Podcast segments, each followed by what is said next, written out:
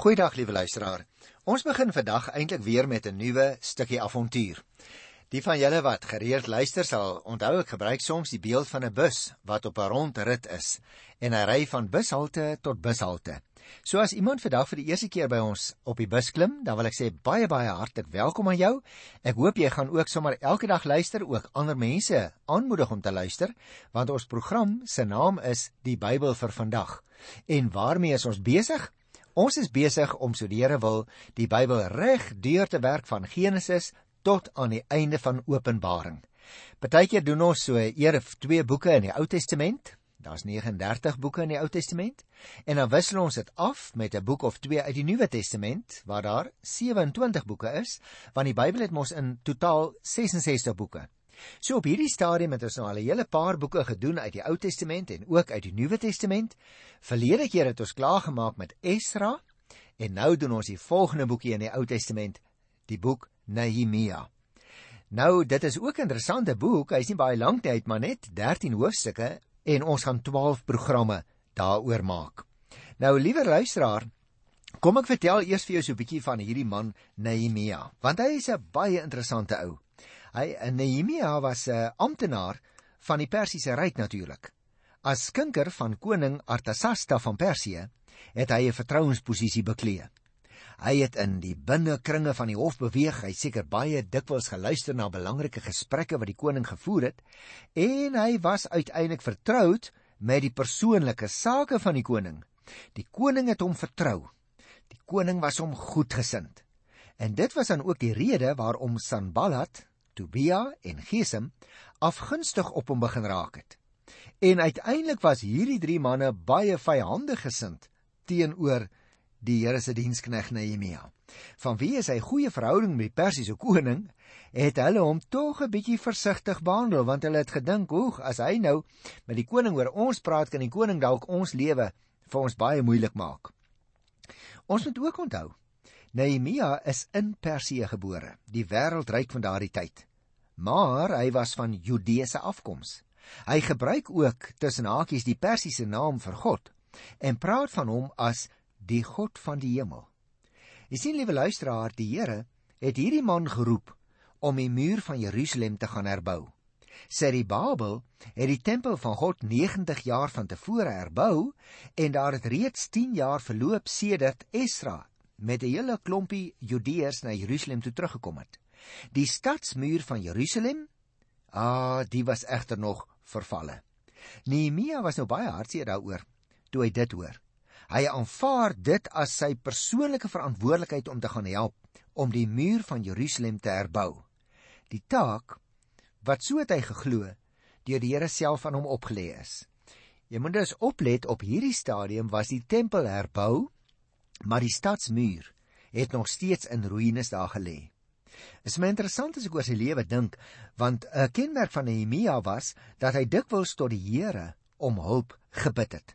Sy gebede was telkens gebaseer op die woord van God. Soos byvoorbeeld jy en ek nou ook die Ons Vader gebed uit die Nuwe Testament ken, prys hierdie man in die Ou Testament alreeds God ook in sy gebede. Hy bely sy skuld. Hy lê sy sonde aan die voete van die Here neer. Hy pleit by die Here om te voorsien in die behoeftes van sy kinders. So dis maar net so soos in ons tyd is, liewe luisteraar. Hoewel hy in die tyd van die Ou Testament lewe, hoewel hy uh, in 'n sekere sin deel vorm van die groot heidense Persiese ryk, want hy het 'n rolletjie wat hy daar speel, hunker hy om terug te gaan na die plek waar sy mense vandaan kom. Hy was, dit moet ons dadelik ook vir mekaar sê, 'n baie baie bekwame leier hoor.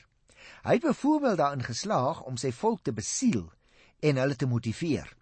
Die stadsmuur is in 'n rekordtyd herbou uiteindelik, ondanks ja, ondanks al die teenkanting van ander mense wat daar was. Nehemia het met ander woorde lyk dit vir my ook die kuns verstaan om menslike verantwoordelikheid met vertroue op God te kombineer. Met ander woorde, hy het nie maar net rustig agteroor gesit en wag dat die Here nou die ding sal laat gebeur nie.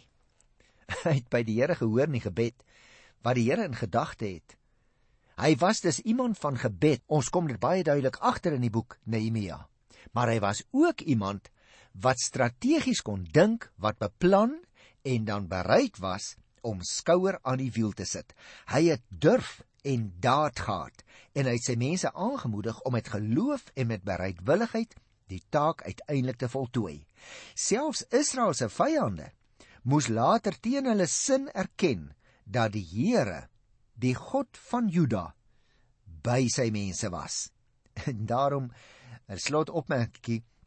Luisteraar Nehemia was net soos Esra vir my persoonlik 'n voorbeeld van iemand oor wie God sy hand op 'n baie besondere manier gehou het. Jy sal dit sien as jy julle boekie behandel. En deur wie die Here ook sy volk weer tot herstel gelei het in sy gebedslewe en in sy geloofsbereidheid om iets daadwerklik te waag en dit ook te doen, het hy 'n rolmodel geword vir jou en vir my. Nou as jy vir my sou vra, nou uh broer Johan, vertel ons nou so 'n bietjie van die verhaal. Uh waaroor gaan dit nou eintlik in die geskiedenis? Dan sal ek dit graag so oorsigtelik wil doen want dan verstaan ek dit self ook altyd sommer 'n bietjie beter as ek nou vir myself moet formuleer waaroor gaan dit. Jy sien, die tempel is herbou en Esra het die geloofsgemeenskap weer opnuut aan God gewy. Die stad se muur was egter nou nog net in so 'n vervalle toestand as van lank tevore. Nehemia is nou die skinker op hierdie stadium in diens van koning Ahasveros van van van, van Persië. Hy aanvaar dit as sy persoonlike roeping om na Jerusalem toe terug te gaan en die stad se verdedigingsmuur te help herbou. Hy ontvang dan uiteindelik die toestemming van die koning en so vertrek hy na Jerusalem toe met al die nodige dokumente in sy sak. Hy slaag daarin om Judeërs oor te haal om met die herstelwerk te begin. Hulle is aanvanklik baie begeester vir die werk. En die taak word met die steun van oral oor en met groot entoesiasme aangepak. Maar nou ja, soos met die herbou van die tempel is daar egter ook weer in hierdie geval faktore van binne en ook mense van buite wat die werk vertraag het op 'n stadium. Byvoorbeeld ek het net vir jou die name ook gesê Sanballat en Tobia en Gesem van die buurvolkere doen alles in hulle vermoë om die werk deur hulle beledigings, hulle spottery, hulle sabotasie selfs by geleentheid en hulle dreigemente tot stand te bring. In die geleedere van die Judeërs self maak die gierigheid van die geldeisers dit onmoontlik vir hulle minder bevoorregte landgenote om aan die werk te kan deelneem. Deur sy effektiewe leierskap los Nehemia al hierdie soort probleme op en deur gebed en bemoediging en organisasie en waaksaamheid gaan die werk uiteindelik onverpoost voort. Die muur word binne die rekordtyd van 52 dae voltooi. Nou dis belangrik luisteraar, want jy sien die voltooiing van die muur word in die boek uitgebeeld as die afhandeling van die projek wat al begin het by die terugkeer uit die ballingskap om die tempel te herbou. Dit was soos 'n taak waaraan verskillende geslagte Judeërs meegewerk het. En nou dat dit uiteindelik voltooi is, kan die volk in sy geheel weer gemeente van God wees. Die geloofsgemeenskap organiseer hulle self dus spontaan volgens die reëlings van die wet van God. Dit wil sê die Ou Testament wat op tot hulle beskikking was, 'n uh, sekere gedeeltes daarvan. Hulle vier byvoorbeeld weer die feeste wat God vir sy volk verorden het en beloof skriftelik nogal om aan die Here gehoorsaam te wees en die diens van sy tempel nie te verwaarloos nie. Die muur word dan uiteindelik aan die Here gewy en die hele Jerusalem word nou die ruimte waar die Here gedien word, nie net die tempel nie. Met ander woorde, Nehemia gee aan die skriftelike onderneming van die volk verdere beslag wanneer hy verskillende verdere maatreëls tref rondom die tempel, die godsdiensamptenare, die viering van die Sabbat in Jerusalem en die huwelike van Judeërs met heidense vrouens. Jy sal onthou Esra het ook daaraan aandag gegee. Ek het dit verlede program genoem, maar ons gaan dit weer hier in die boekie Nehemia behandel later. Die een ding wat my opval is dit: die entoesiasme van die Judeërs. Hulle bereidheid om na God se woord te luister, hulle gewilligheid om ten spyte van teenkanting en probleme vir God te werk. En hier, liewe luisteraar, is 'n baie baie pragtige voorbeeld van wat dit beteken om gemeente van die Here te wees, ook daar waar jy woon. In Nehemia word die kenmerke van 'n geloofsgemeenskap op 'n baie konkrete manier uitgebeeld in die Bybel. Dit word 'n uitnodiging aan elkeen van ons wat hierdie boek lees om ook deel te word van die Here se een heilige algemene Christelike kerk in die wêreld. Nou ja, goed. Ons kan die boekie Nehemia indeel in 3 dele.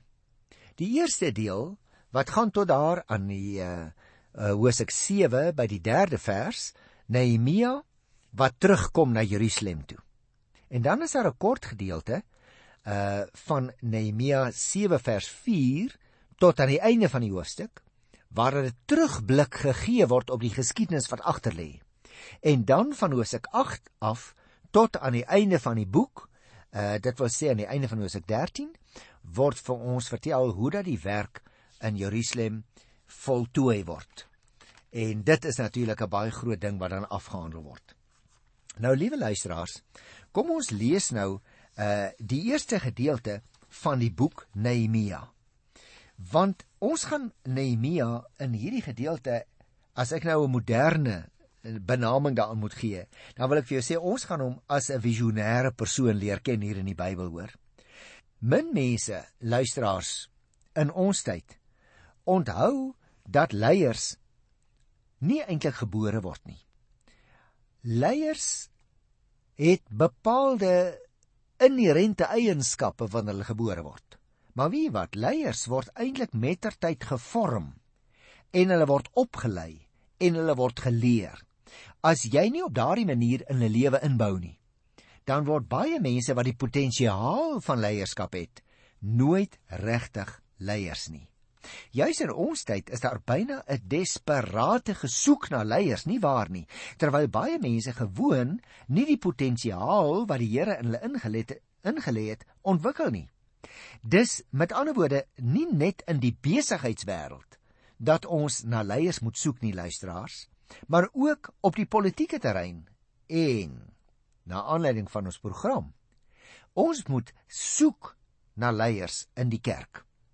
Jy sien, Baie mense gryp na kursusse, sê net maar die bekende goed en ek sê nie daar's fout mee nie, soos die van Dale Carnegie. Lees sy boeke of byvoorbeeld How to Win Friends and Influence People. Ander gaan soek weer in ons tyd by Pieter Drucker se baie bekende boek The Practice of Management. Of selfs party ons lees hierdie dun boekies soos The 1 Minute Manager. Nou dis baie interessant, maar nou wil ek vir jou sê, kom ons kyk 'n slaggie uit hierdie gesigshoek na hierdie man Nehemia. In die eerste 3 verse van die boek ontmoet die goewerneur Nehemia. Kom ek lees dit. Die verhaal van Nehemia, seun van Gakalia. Dit was die maand Kislev, die 20ste jaar. Ek was in die vestingstad Susan. Genani, een van my mede-amptenare, het daar aangekom uit Juda hy en 'n paar ander manne. Ek het by hulle navraag gedoen oor die Judeërs wat uit die ballingskap vrygelaat is en teruggegaan het en oor Jerusalem en hulle het vir my gesê die ballinge wat teruggegaan het beleef daar in die provinsie Juda groot ellende en smaad. Die muur van Jerusalem lê om en die stadspoorte is verbrand.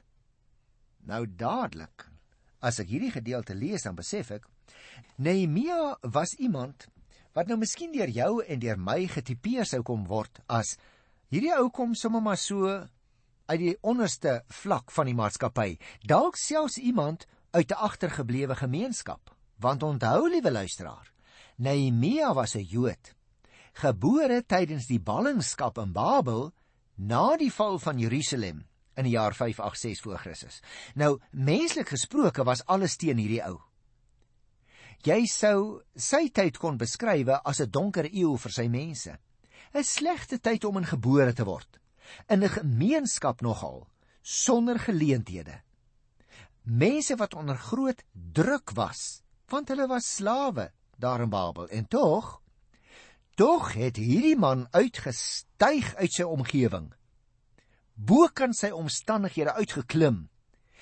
Hoe weet ek dit? Mag jy nou vra, luisteraar? Ek weet dit omdat hy 'n skinker geword het. Het ons gelees hier in die verse, nogal 'n skinker aan die hof van die Persiese koning. Op daardie stadium luisteraar is die Babiloniërs naamlik alreeds deur die Perse verslaan. Nou mag jy dalk so 'n bietjie neerhalend na 'n skinker kyk, né? Maar moenie onder 'n misverstand verkeer nie. Veral nie as jy 'n skinker in die huishouding van koning Artasasta in die vestingstad Susan kon wees nie. Vir ons mag dit nou vandag nou nie na 'n vreeslike besondere pos lyk nie, né? Maar destyds was dit 'n baie belangrike werk. Daar was naamlik die gevaar dat uh, teenstanders of mededingers die koning om die lewe sou probeer bring of die koning wou probeer vergiftig. Juist daarom was die pos van skinker so belangrik. Hy moes naamlik toesien dat die wyn wat die koning en sy gaste drink nie dalk vergiftig was nie.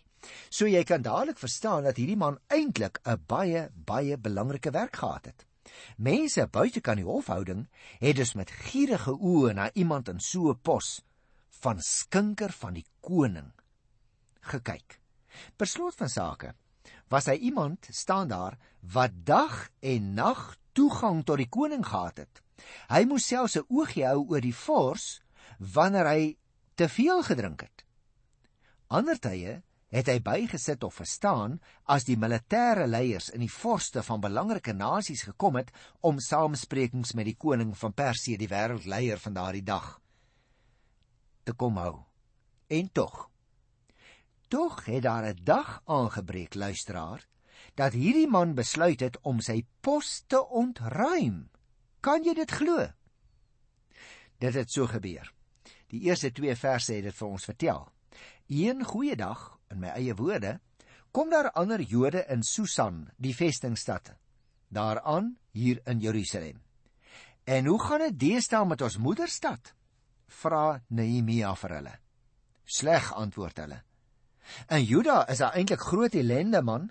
Die mense kry swaar. Die muur van Jerusalem lê nog altyd om. Hulle het nog nie die muur klaar gebou nie. Die stadspoorte lê nog net so soos wat dit verbrand is toe die Babiloniërs die stad verwoes het. Die klomp Judeërs het nog niks verder daaraan gedoen nie man. Nou Hoe sou jy nou gereageer het op so 'n boodskap luisteraar? Miskien sou ons gesê het: "Jo, maar die ou spille het hom sleg geword in daai dorp waar ons vandaan kom, hè?" Nou Nehemia het waarskynlik baie goed geweet dat die mure al vir meer as 100 jaar net so bly om lê het. Niemand het dit nog opgebou nie. En er baie ander dit al in die tyd probeer opbou het, maar hulle het nie geslaag daarin nie. Uiteindelik sal ons as ons hierdie boekie lees, agterkom luisteraar, uiteindelik het dit net 52 dae geduur om die stadsmure te herstel. Dit was dus 'n tyd sou ek sê waarin hierdie man deur die genade van die Here een van die grootste godsdienstige en morele hervormings onder die Joodse volk tot en met die koms van die Here Jesus Christus sou deurvoer. Jy sien, dit is juis die rede waarom ek sê ons by 'n paar geleenthede moet gaan kyk na wat die faktore is wat van hierdie man so 'n groot leier gemaak het. Wat is die Bybelse eienskappe byvoorbeeld van 'n groot leier? Jy sien, luisteraar, in ons tyd skryf 'n man wat 'n kenner op hierdie uh, terrein is, ek het net nou ook sy naam gesê Pieter Drucker. Hy sê eerste dinge moet vir 'n goeie leier eerste wees. En hy sê dan geld twee beginsels. Nommer 1: Stel jou prioriteite vas. En nommer 2: Bestuur daardie prioriteite. Is jy 'n leier? Ja, dan glo ek jy weet wat is prioriteite in jou besigheid of op jou plaas byvoorbeeld of in die skool of in daardie werk as stukster, wat is jou prioriteite? Stel dit vas. En tweedens, en dis dikwels waar die knoop lê bestuur daardie prioriteite. Dat iets nie hier van buitekant van die sykant af inkom en dit het nou skielik 'n hoë prioriteit en dan gaan jy nooit by dit wat jy wil bereik uitkom nie. Nou in Nehemia se geval, wat was hierdie dinge? Jy sien, sterk leiers noem faktore soos goeie menseverhoudinge, persoonlike tyd vir afsondering en studie, tyd vir beplanning. Natuurlik is al hierdie dinge baie belangrik, maar die eerste Bybelse riglyn vir goeie leierskap is gebed wat ons teekom hier in hierdie eerste vers af. Jy sal ontdek luisteraar dat persoonlike stiltyd en gebed vir hierdie man Nehemia van die allergrootste belang was. Kom ons lees hier van vers 4 af. By die aanhoor van die woorde, dit wil sê die woorde wat die boodskapper nou vir hom bring, het ek gaan sit en gehuil en daarlang getreur. Ek het gevas en tot die God van die hemel gebid. Ek het gesê: "Ag Here, God van die hemel, groot en onsagwekkende God, wat u verbond in die noue liefde handhaaf teenoor die wat vir u liefhet en u gebooie gehoorsaam, luister tog, gee tog ag op die gebed wat ek, u dienaar, sonder ophou tot u bid." Merk jy dit op? Nehemia was alreeds voordat hy met die bouwerk begin het, 'n belangrike man. En nou sien ons hy doen vier dinge. Hy gaan sit, hy huil, hy treur en hy bid. Met ander woorde, as ek dit in een woord mag saamvat, hy verootmoedig hom voor God. Het jy opgemerk? Hy buig laag voor die Here. En dan in vers 6 en 7 kom daar iets anders na vore. Ek bid vir u dienaars. Hy dink met ander woorde nie net aan homself nie. Hy verwyd nie daai mense in Jerusalem nie. Hy bid vir hulle. Hy vereenselwig homself wanneer hy sê ek is 'n sondaar. Hy verhef hom nie bo hulle nie. En let nou op. Die derde ding wat vir my uitstaan in sy gebed, hier vers 8 tot by vers 10. Hy beroep hom op die beloftes van God, naamlik op die twee groot kante van die verbond: seën en vloek. Kom ek lees dit vir jou, vers 8 tot 10. Dink tog aan die belofte wat u aan u dienaar Moses gemaak het. As julle ontrou is, sal ek julle onder die volke verstrooi. Maar as julle julle tot my bekeer en my gebooie gehoorsaam en nakom, sal ek julle weer bymekaar maak, al is julle oor hele aarde versprei. Ek sal julle terugbring na die plek toe wat ek gekies het om my naam daar, daar te laat woon. Hulle is u dienaars, u volk vir wie u met groot mag en krag gered het. Ek het gesê hy beroep hom as dit ware op die beloftes wat die Here gegee het. En natuurlik sal jy onthou en opmerk dit hou ook vir jou vir my 'n waarskuwing in.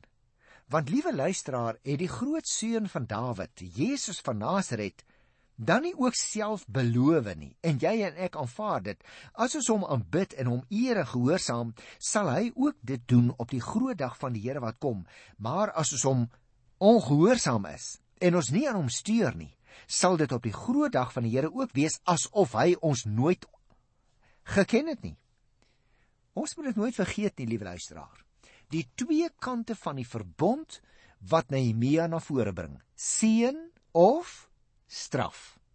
Dieselfde twee elemente wat ons ook meer as een keer gekry het in die prediking van die Here Jesus Christus. En dan hier teen die einde van die uh, gebed eers kom hy eers uiteindelik met sy versoek.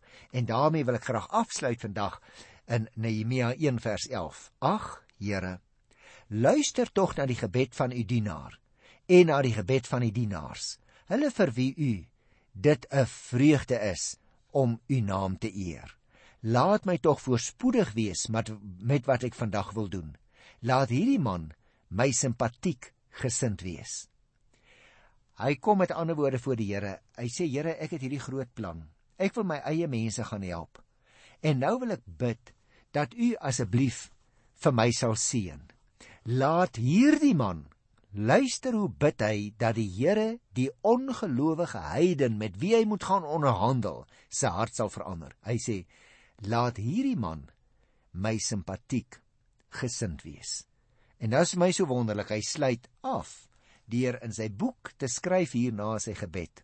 Ek was die koning se skinker. Met ander woorde, hy die gelowige man Nehemia werk vir die ongelowige heidense koning en hy vra Here ek gaan nou met my baas praat verander asseblief my baas se hart volgens u wil sodat ek kan Jerusalem toe gaan. Doen jy dit? Bid jy ook vir die een onder wie jy gestel is elke dag? Partykeer as ons vir iemand anders bid, begin die Here by onsself. Ek groet jou tot volgende keer in sy wonderlike naam. Tot dan. Totsiens.